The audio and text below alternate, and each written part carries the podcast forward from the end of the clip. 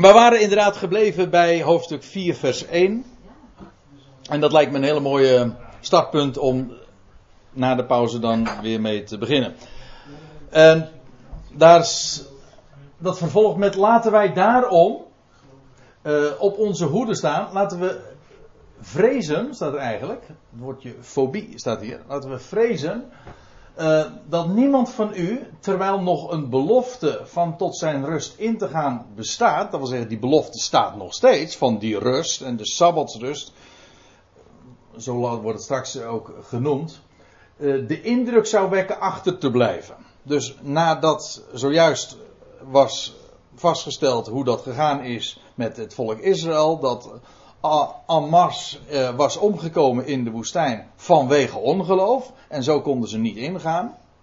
Ondanks de reputatie en ondanks het feit dat ze de schone schijn mee hadden, was het niet werkelijk een zaak van het hart en bovendien van geloof. Dat was de reden. Dat hebben we gezien in hoofdstuk 3, vers 19. Dit is de fundamentele reden. Hoofdstuk 4 gaat dat ook nader uitwerken. En ja, sommige passages is het wat minder zinvol, denk ik, om, om al te veel op kleine details te letten, omdat we dan vooral de draad van het betoog zelf moeten vasthouden. En voor zover het van belang is, zal ik wel even op uh, bepaalde kleine punten en details uh, nog letten en wijzen. Maar er staat hier dus, die belofte die staat nog steeds. En dan vervolgens in hoofdstuk 2, pardon, in vers 2, want ook ons is het evangelie verkondigd evenals hun. Is uh, geëvangeliseerd, staat er eigenlijk. Dat evangelie namelijk aan hen, om het land in te, om de rust in te gaan. En dat is ook uh, aan hen uh, gebracht, staat er. Dat wil zeggen aan hen, ooit in de woestijn. Dat was ook een evangelie. Men zegt wel eens een keertje van er is maar één evangelie. En uh, dat, dat klopt natuurlijk niet. Want de Bijbel wemelt van goede berichten. een evangelie betekent goed bericht. Er zijn vele goede berichten. Ja toch? Dat is er maar niet één. Dat is, een, dat is een veelheid van berichten. Nou, wat bijvoorbeeld, wat aan Israël verkondigd was ook een evangelie. Je leest van Abraham dat toen hij de belofte kreeg van een zoon, werd dat ook een evangelie genoemd. Een goed bericht. Niet een, een commando dat hij kreeg. Nee, hij kreeg gewoon een goede boodschap te horen. Een goede tijding. Nou, dat is wat evangelie is.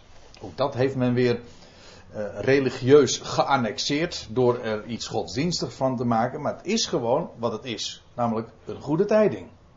Alsjeblieft. Dit is het. En dat was uh, aan hen ook verkondigd. Dat is trouwens, als ik er dan toch even één ding over mag zeggen. Over, er zijn vele goede berichten. Maar in één opzicht kan je inderdaad zeggen: er is maar één evangelie. Nou ga ik toch een kleine concessie maken. Namelijk het kenmerk van al die evangeliën is, dat wil zeggen van al die goede berichten, is dat het volstrekte genade is.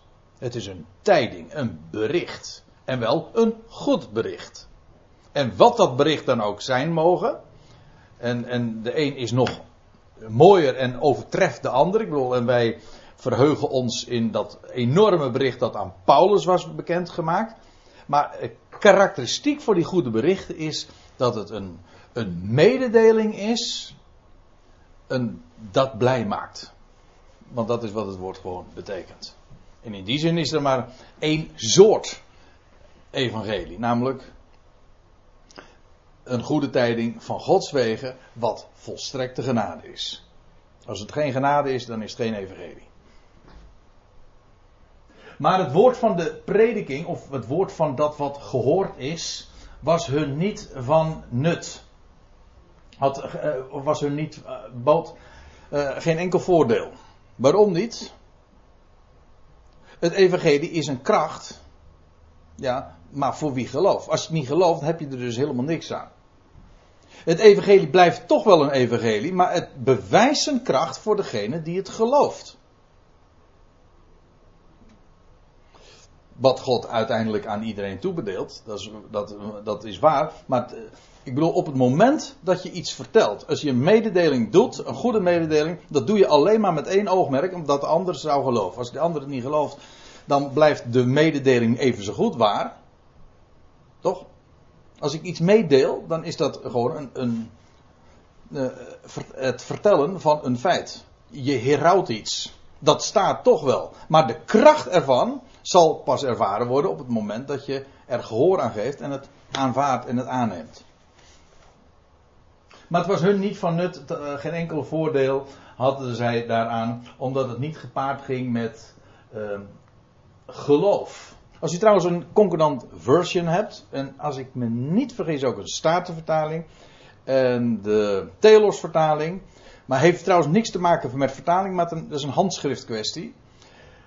Dan staat er uh, letterlijk, ja, de Telos zegt dat, geeft het zo weer, omdat het niet met, uh, daar zij niet verbonden waren met hen die in geloof hoorden. In de praktijk is het uiteindelijk toch hetzelfde hoor. Dus ik wil daar niet uh, al te veel stressen, want dat maakt zo niet al te veel uit. Het idee is, hier staat opdat het niet met geloof gepaard ging.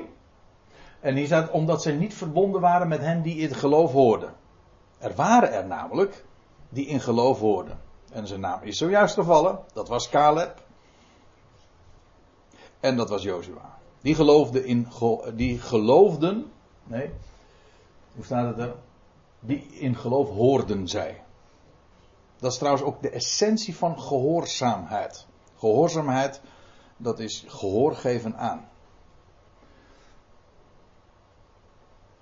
Daarom dus, dit is nog weer een nadere uitleg van wat al eerder uiteengezet was. Waarom konden ze niet ingaan vanwege geloof? Omdat ze niet eh, verbonden waren met hen die het wel accepteerden. Dat kleine minderheid, een piepkleine minderheid mag ik wel zeggen, ja, maar wat maakt het uit? De meerderheid, dat mag dan heel democratisch zijn om te zeggen, de meerderheid van stemmen, dat volgen wij. Maar dat doen wij niet aan. Hè. Twee is genoeg. ja. En zelfs als, zelfs als niemand het aanvaardt. Ik bedoel, de waarheid staat of valt niet met de instemming of de hoeveelheid. heeft er niets mee te maken.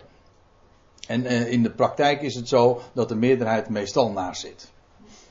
Dus dat is niet alleen in de Bijbel zo, maar ik heb me wel eens wat bezig gehouden met de geschiedenis van de wetenschap. Heb ik daar ooit een mooi boek over gelezen. En dan waren het ook altijd minderheden, altijd enkelingen die een nieuw geluid lieten horen. En dat uiteindelijk inderdaad waar bleek te zijn. Maar dat stuit altijd op massieve verzet en ontkenning. Dus don't worry als je een minderheid bent. Ik zou zeggen, wees er blij om. En dan vers 3. Want wij, wij gaan tot de rust in, wij die tot geloof gekomen zijn. Ik heb al voor de pauze even iets aangegeven. Deze uitdrukking komen we heel dikwijls tegen in onze vertalingen. Maar u ziet hier hoe het er echt staat. De, degenen die uh, geloven. Dat is wat er staat. En wij zeggen dan tot geloof gekomen zijn dat wekt een verkeerde indruk. Je gelooft of je gelooft niet. Je, je komt niet tot geloof. Dat, dat, dat suggereert weer een, een bepaalde activiteit naar geloof toe. Maar dat is helemaal niet het idee. Je gelooft.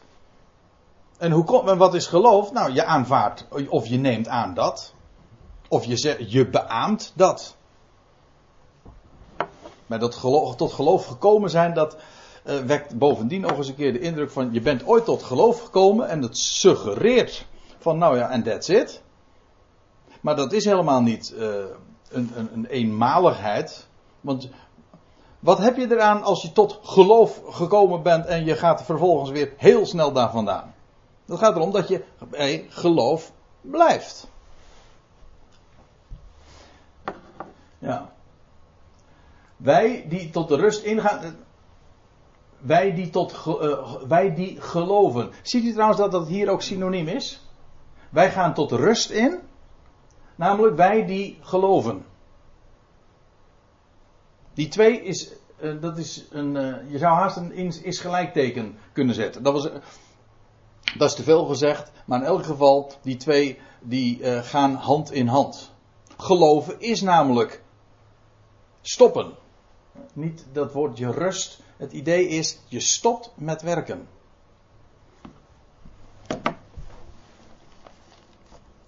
Heb een hele mooie in uh, Romeinen 4. daar wordt het ook zo gezegd. Daar wordt gezegd in e- vers 1. Want indien Abraham uit werken gerechtvaardigd is, staat er, dan heeft hij roem, maar niet bij God.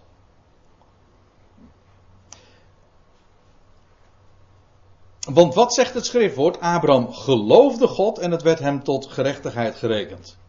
Nu wordt hem die werkt het loon niet toegerekend uit genade, maar naar verplichting. Hem echter, nou dat is waar ik op doelde. Hem echter die niet werkt, maar zijn geloof vestigt op hem die de goddeloze rechtvaardigt, wordt zijn geloof gerekend tot gerechtigheid. Die niet werkt, maar gelooft. En dus het heeft dus alles te maken met een belofte die je ontvangt en beaamt. En dat is hier ook de, het verhaal. Want het ging hier ook over de belofte dat God hen het land zou geven. Ze geloofden het niet. Zij hoeft ook helemaal niet te strijden. Dat was al zo bij de Rode Zee. De Heer had tegen hen gezegd: De Heer zal voor u strijden. Nee, dat had Mozes gezegd. De Heer zal voor u strijden en gij zult stille zijn. Jullie, ik creëer zo een weg dwars door de zee heen. En zo is het altijd gegaan.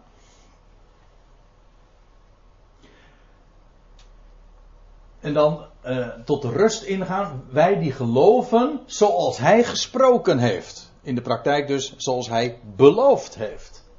Gelijk ik gezworen heb, en nou staat het hier in mijn toren, nooit, en hier zie je dat weer, even kijken hoor.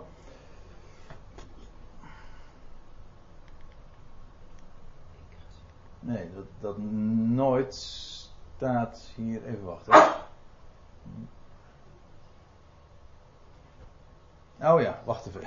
Ik, uh, ik, keek over dit woord heen. Maar er staat niet uh, dat woord nooit. Er staat if. Oftewel als of indien. De Statenvertaling zegt ook inderdaad indien. Als ik me niet vergis, de Telos vertaling ook. Dat nooit staat er niet. Het is juist indien. Wanneer gaan zij in de rust in? Nou, wanneer zij geloven. Sterker nog, geloven is in de rust ingaan, want je steunt dan op, op hem die gesproken heeft en die het allemaal doet. Dat is in de rust ingaan. Daarom, uh, die twee gaan niet alleen hand in hand, het is in de praktijk identiek. En zo niet, ja, dan uh, wat er in de praktijk overbleef, dat uh, was dus geen rust, oftewel omkomen in de woestijn, oftewel in de toren uh, omkomen. Daar in de woestijn. Want daarin, God heeft wel gevallen in degene die zijn woord beaamt. That's it. Meer niet. En het tegenovergestelde is, daar heeft God geen welgeval in. En nou komt nog een wat moeilijke zin gelijk ik gezworen heb in mijn toren, nooit indien zij tot mijn rust ingaan. En dan staat er, toch waren zijn werken van de grondlegging der wereld af gereed. Nou, nou, uh, weet u wat er, uh, zoals het er precies staat, of schoon de werken vanaf de nederwerping, want dat is wat er staat, katabole, de nederwerping, de nederwerping van de wereld, uh, gebeuren. Als u de, een concordant versie hebt, staat het inderdaad zo ook weergegeven. Eh, de zin blijft wat lastig. Maar het idee is, als u het mij vraagt.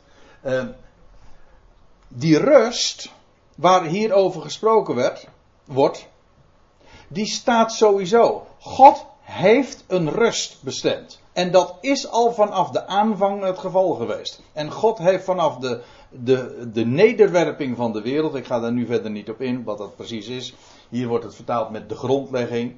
Dat is nog maar de vraag. Maar in ieder geval, vanaf de aanvang dat God zijn scheppingswerk gedaan heeft, was hij uit op de rust. Dat is ook zo.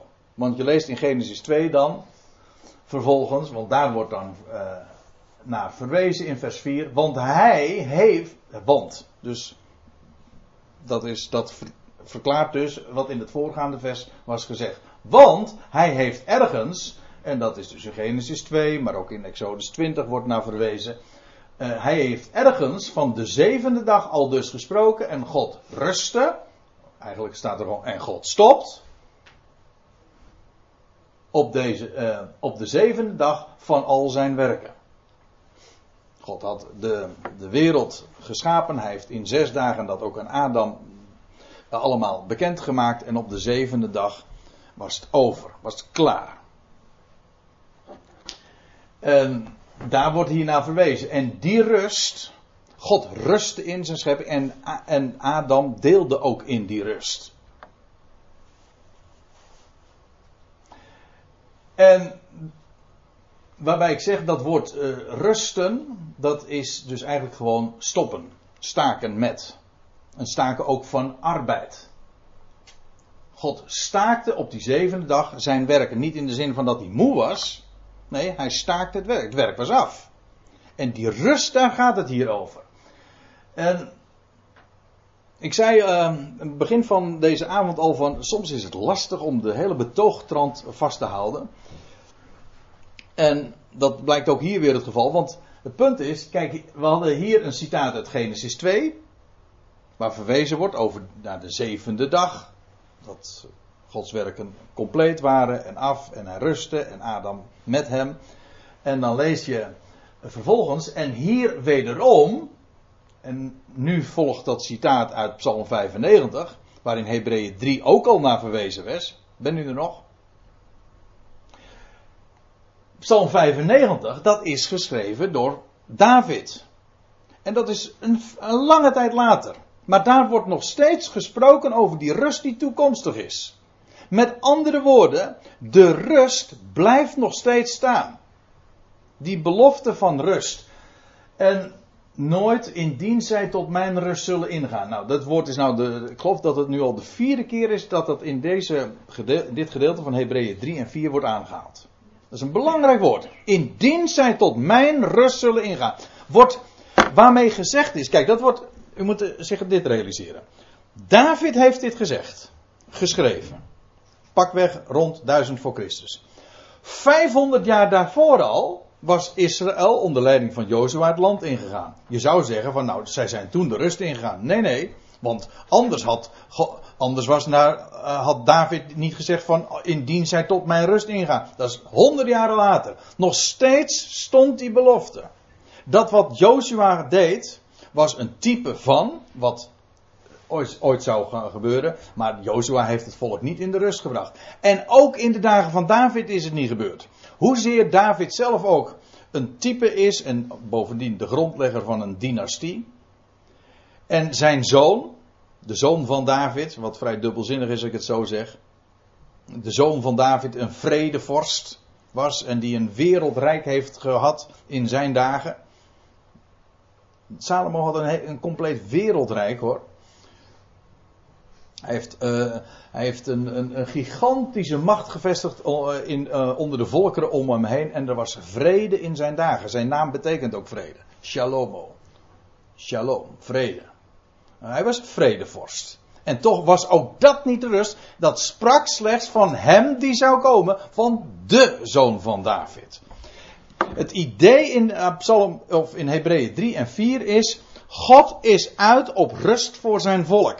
En denk nou niet dat dat uh, al. Uh, dat dat iets van het verleden is in Genesis 2, in de dagen van Adam. Denk niet dat dat iets is in de dagen van Jozua. Nee, dat is nog steeds belofte. Die, dat wordt nog steeds, dat staat nog steeds. Maar het staat ook nog steeds te gebeuren. De Sabbatsrust. Ik kom er straks nog even op terug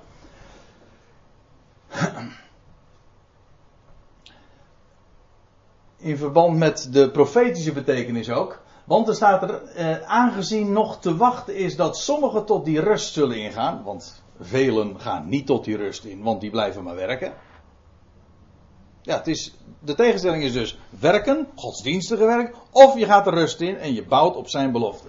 Die rust, dat is hier ook de Sabbat. U zag dat net al met die, in verband met die verwijzing naar de de zevende dag. In vers 8, maar dat duurt nog een paar versen, uh, zullen we dat ook nog zien. Daar wordt gesproken, daar, is een, blijft een sabbatsrust over voor het volk. En waarbij de sabbat een schitterend type ook weer is van de zeven, het zevende millennium dat over deze aarde zal komen. Ik bedoel het koninkrijk van de zoon van David. Er zijn zes dagen van duizend jaar, zo rekent God immers. Er zijn zes dagen van duizend jaar vanaf Adam uh, inmiddels gepasseerd. En dan breekt de zevende dag aan. Gek hè, wat ik nu trouwens zeg, is bekend hè. Ook in de Joodse traditie, zelfs al van twee een half duizend jaar geleden werd dit zo al gezegd dat uh, God rekent in termen van dagen van duizend jaar. Dat is niet alleen maar een gegeven dat waar Petrus over spreekt. Ook in de psalmen wordt dat al genoemd. De rabbijnen kenden dat. En die wisten, de Sabbat gaat komen. En de Sabbat, dat is de, de zevende dag die over deze wereld zal komen. En na zes dagen van ploeteren van de mensheid zal de zevende dag komen. De dag waarin God zal rusten in zijn schepping. De Sabbat. Ook weer een millennium. De zevende duizendtal jaren. Dat zit er allemaal in. De rust waar hier over gesproken wordt, dat is in ieder geval ook die rust. Maar gelovigen, zij die geloven, hoeven helemaal niet daarop te wachten, want die, zijn al, die gaan al in die rust in. Ik bedoel, straks de Sabbatdag, die, dat koninkrijk dat straks gaat komen, dat gaat sowieso komen en dat zal een periode eh, zijn, een millennium, waarin Gods rust gevestigd zal zijn in deze hele wereld. En er zal vrede en gerechtigheid wezen onder alle volkeren wereld. Hij zal de koning der koningen zijn. Ik bedoel, hij, de zoon van David. Hij geeft dat. En al het menselijk geploeter naar een, een, een waar zo lang naar aan gearbeid is om zoiets te vestigen. Het is ooit, nooit op iets uitgelopen. En God zegt straks, en nu is het genoeg, nou ga ik. Aan het, nu zal ik het gaan vestigen. Dat is die zevende dag. Maar wij, dat gold voor de Hebreeën toen, maar voor ons net zo. Wij leven nu al in de rust. Wij geloven op zijn woord. Ja, op zijn woord, op zijn belofte. Daar staan we op. Wij leven nu al in die Sabbat. En dat is wat hier ook naar voren gebracht. Aangezien nog te wachten is dat sommigen tot die rust zullen ingaan. Sommigen vanwege het feit dat het merendeel dat helemaal niet verkiest.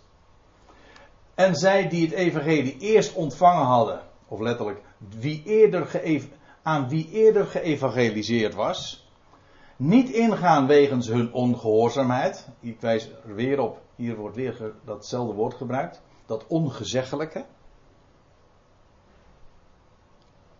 Niet openstaan voor, en niet bereid zijn om het woord van zijn belofte te aanvaarden. Dat is het. En in de praktijk is dat dus gewoon door blijven werken. Zelf met menen te moeten doen.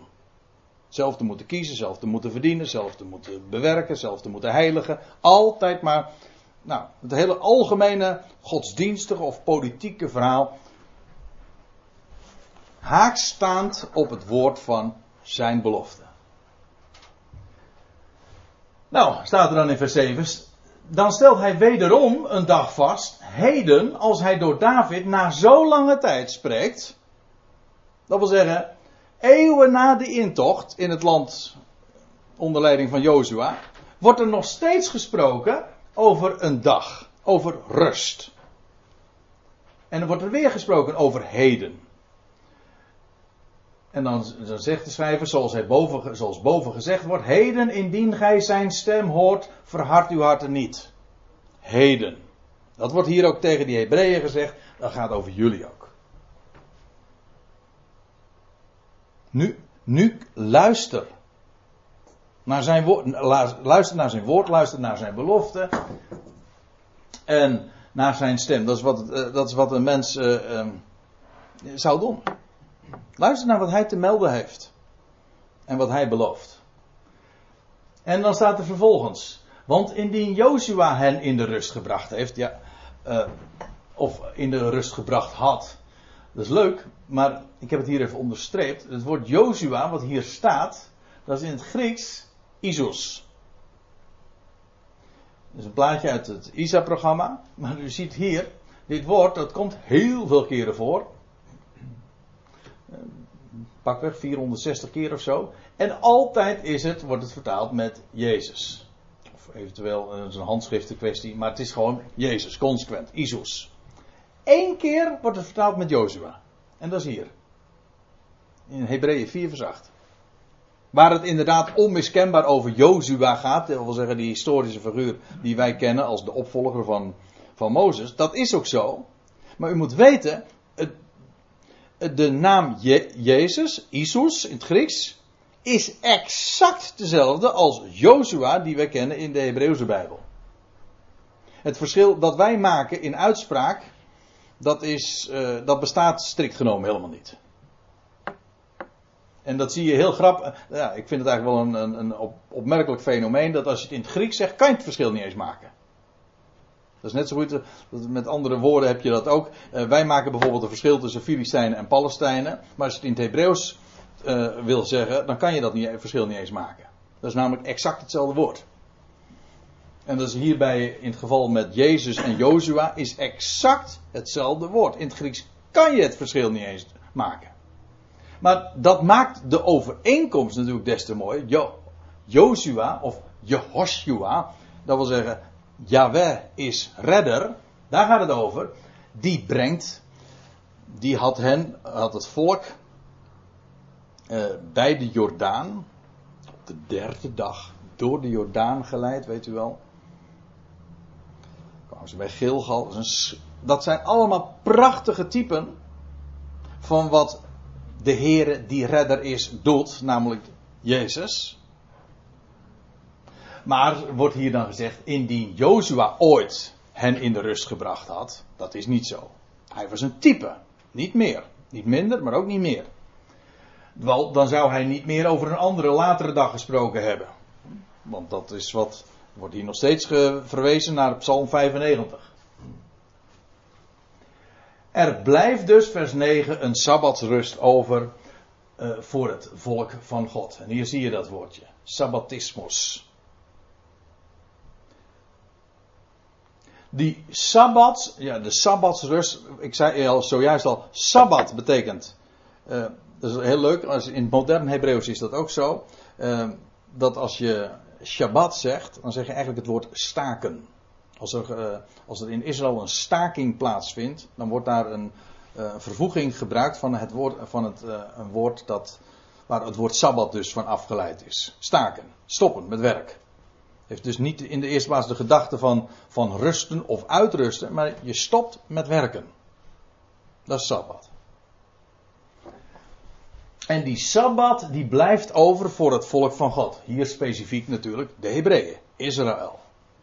Israël zal ook daadwerkelijk ingaan in de rust. Voor Israël is de Sabbat ook, aange, uh, ook weggelegd. Sterker nog, de Sabbat is juist de dag die aan Israël gegeven is. Zo zie je dat er ook allerlei lagen zijn. Ik en, soms is dat lastig om daarover te spreken, want soms uh, uh, dan ver, verwijzen we gewoon naar algemene bijbelse waarheden. Wij geloven wij, uh, wij die geloven, wij staken ons werk en wij staan gewoon op dat wat Hij geeft en Hij belooft. Hoezo werken? Dat is rust. Hier wordt ook specifiek nog verwezen naar die grote Sabbat, die voor de wereld zal aanbreken en voor Israël specifiek. Maar ook dan is het zo dat als straks het koninkrijk zal aanvangen, binnenkort, ik bedoel, het zesde millennium dreigt, uh, dreigt, niet helemaal het juiste woord, maar dat is bijna ten einde en het zevende millennium gaat aanbreken. Maar slechts zij die geloven zullen ingaan. Die, sta, die ook dan zullen beamen wat God gesproken heeft. Degenen die dat niet doen, die zullen ook niet ingaan. Dus het principe dat God slechts geloof honoreert. Dat wil zeggen, het beamen van wat hij spreekt. Dat is een onveranderlijk verhaal. Wijzigt ook nooit. Ik weet wel, mensen die geloven. In, ik heb het uh, al, al vaak genoeg gehoord. Uh, als je zegt van alverzoening, dat zou dan betekenen van dat je ook buiten geloof om gered zou kunnen worden. Dat is helemaal niet waar. het, het, de boodschap dat God alles verzoent, wil zeggen, hij brengt allen tot geloof. Ook geloven is zijn werk, dat wil zeggen, hij overtuigt mensen. Dus, maar dat gaat helemaal niet buiten geloof om. Het is nooit zo geweest en het zal ook nooit zo, zo zijn. Er blijft dus een sabbatsrust, en dat is hier het punt, een sabbatsrust voor het volk van God. en staat er dan in vers, 1, eh, vers 10, want wie tot zijn rust is ingegaan, ik wil eigenlijk even doorgaan tot het twaalfde vers, want wie tot zijn rust is ingegaan, of letterlijk staat het in de tegenwoordige tijd, wie tot zijn rust ingaat, is ook zelf tot rust gekomen, of die stopt van zijn werken. Ja, ik heb het nu al een aantal keren aangegeven. Ik, ik, ik ondersteunde dat met dat citaat uit Romeinen. Geloven betekent stoppen met werken. En met verdienen, want werken is verdienen. Werken is, betekent niet iets doen, maar werken betekent verdienen. Iets doen om geld. Wel, geloven heeft daar niets mee te maken wat je krijgt namelijk. En daarop staan wij. En dat beamen we. Waarbij trouwens hier het uh, idee ook nog is. Die werken, kijk het woord maar eens na in de Hebreeënbrief. Kijk het maar na in de concordantie. Dan wordt er in hoofdstuk 6 gesproken over de dode werken. 9 vers 14 ook. En dan gaat het over de werken, de godsdienstige werken van het judaïsme. Van, van godsdienstigheid. Dat is allemaal werken. Je geloven wil zeggen, je stopt met al je godsdienstigheid. En je steunt op wat hij gesproken heeft. Ja, ik weet niet hoe ik, het, uh, hoe ik dat nog duidelijker uh, zou moeten maken. Maar het, de essentie is zo simpel als het maar kan. Evenals God van de zijne. Ook God, eh, Gods werk is gedaan. Ja, dat vond ik wel een mooi plaatje die ik in dat verband aantrof. On sabbatical. En dan is er dit. is de rust. Er wordt heel vaak gesproken over een sabbatical. Nou, die hebben, daar zijn wij ingegaan. In de rust. Maar dat is wat geloven is. Ja, dat is maar makkelijk. Dat is altijd het verwijt wat je te horen krijgt. Wat voor mij trouwens geen verwijt is. Ik vind het een aanbeveling. Dat is maar makkelijk. In, alle, in een andere context zou men dat ook altijd opvatten als een aanbeveling. Als je zegt van nou, dat is. Eh, als je een apparaat koopt, dan zeg van. Uh, dat, dan, eh, dat het ontzettend praktisch is en makkelijk is. Je zegt, nou, dat is een goede reden. Juist om het dan aan te schaffen, lijkt mij. Hè? Maar in, in, let maar op, als het in godsdienstige sferen getrokken wordt, dan is dat altijd juist een verwijt en een aanklacht. Waarmee dus men aangeeft dat men helemaal op de toer zit van verdienen dit is waar het over gaat. De Sabbatsrust. Hij belooft. Ik vind dat zo'n machtig verhaal. Niet alleen in verband met de redding. Hij is de redder van allen. Maar ook als het gaat om het leven elke dag. Hij geeft. Hij zegent. Hij geeft vrede. Daar kun je gewoon dus op voorhand hem voor danken. Hoofd omhoog, het hart naar boven. Dan heb je vrede, dan heb je vreugde. Dat is dit. Laten wij, die is ook mooi, vers 11, dat is een soort van conclusie. Laten wij dus ernst maken, laten we ons beijveren. Ja, en waar zouden we ons nou in beijveren? Om tot die rust in te gaan. Dat is het. Ja, dat vind ik een, hele mooie woordspeling. Uh, waar beijveren wij ons in? Waar zijn wij naarstig naar op zoek? Of waar zijn wij op gefocust? Waar gaat nou alles om? En dat is om die rust in te gaan. Om te staan op zijn woord en op zijn belofte. Nogmaals, hier in verband met die Hebreeën is de context volstrekt helder. Maar de boodschap is, eh, als het gaat om de algemene lijn, identiek.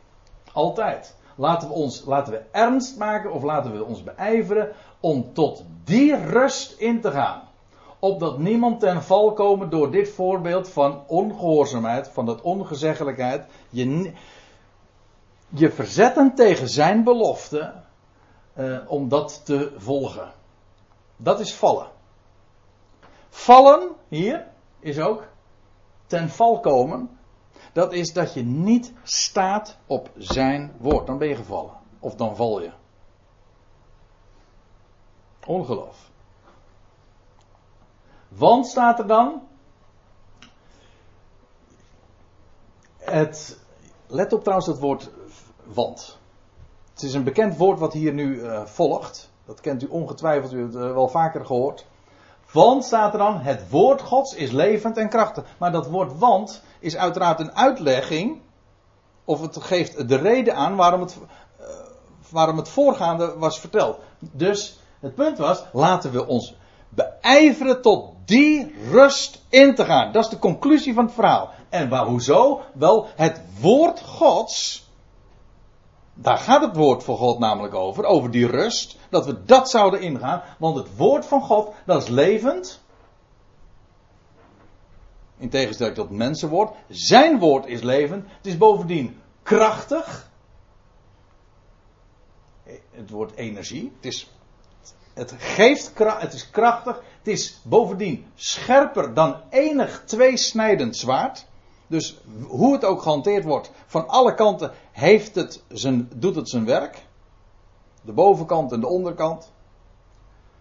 Het is scherper dan enig tweesnijdend zwaard en staat erbij en dringt door zo diep dat het van één scheidt ziel en geest.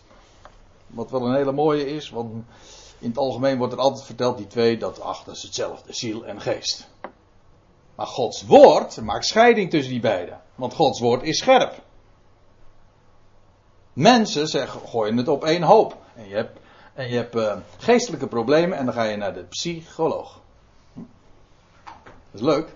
Zoals wij dat allemaal door elkaar husselen. Maar Gods woord is scherp en maakt scheiding tussen ziel en geest. En er wordt nog bij gezegd.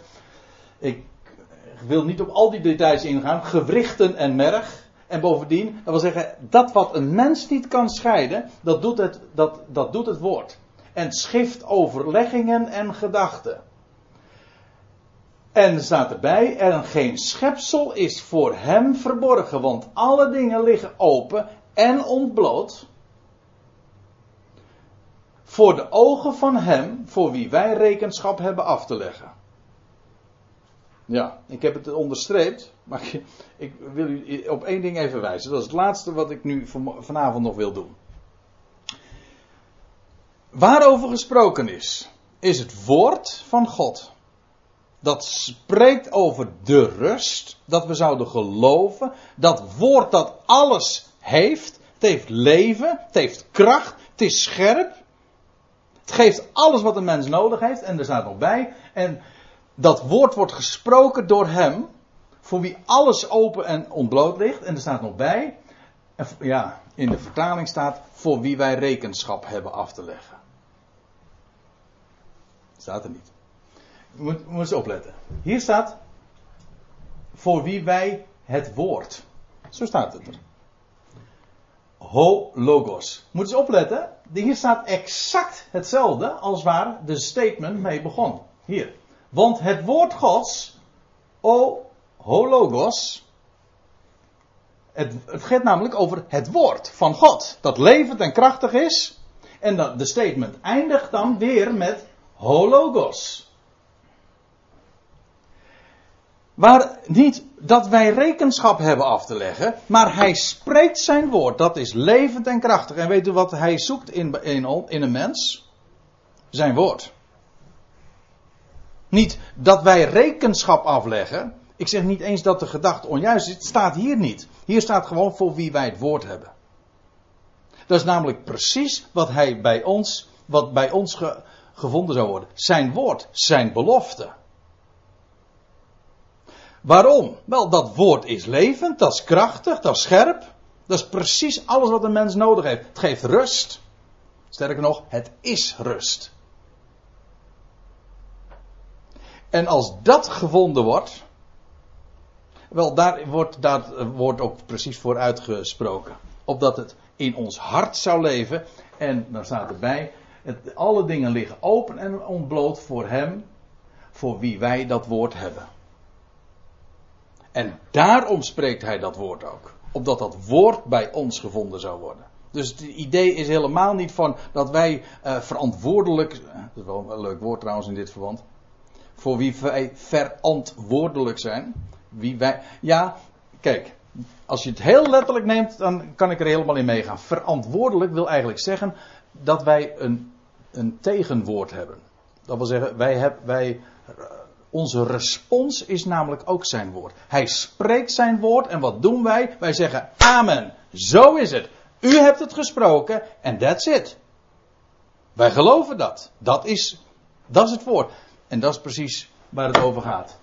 Hologos. Waarom? Dat is levend. Dat is krachtig.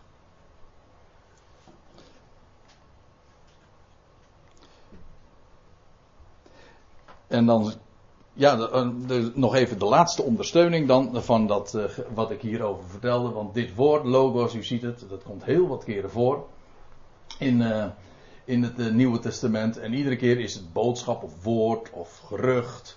Maar heeft het allemaal wat te maken. Maar hier wordt het, het wordt één keer vertaald met rekenschap hebben af te leggen. Dat is hier in Hebreeën 4 vers 12. Maar het is het niet. Het is gewoon het woord.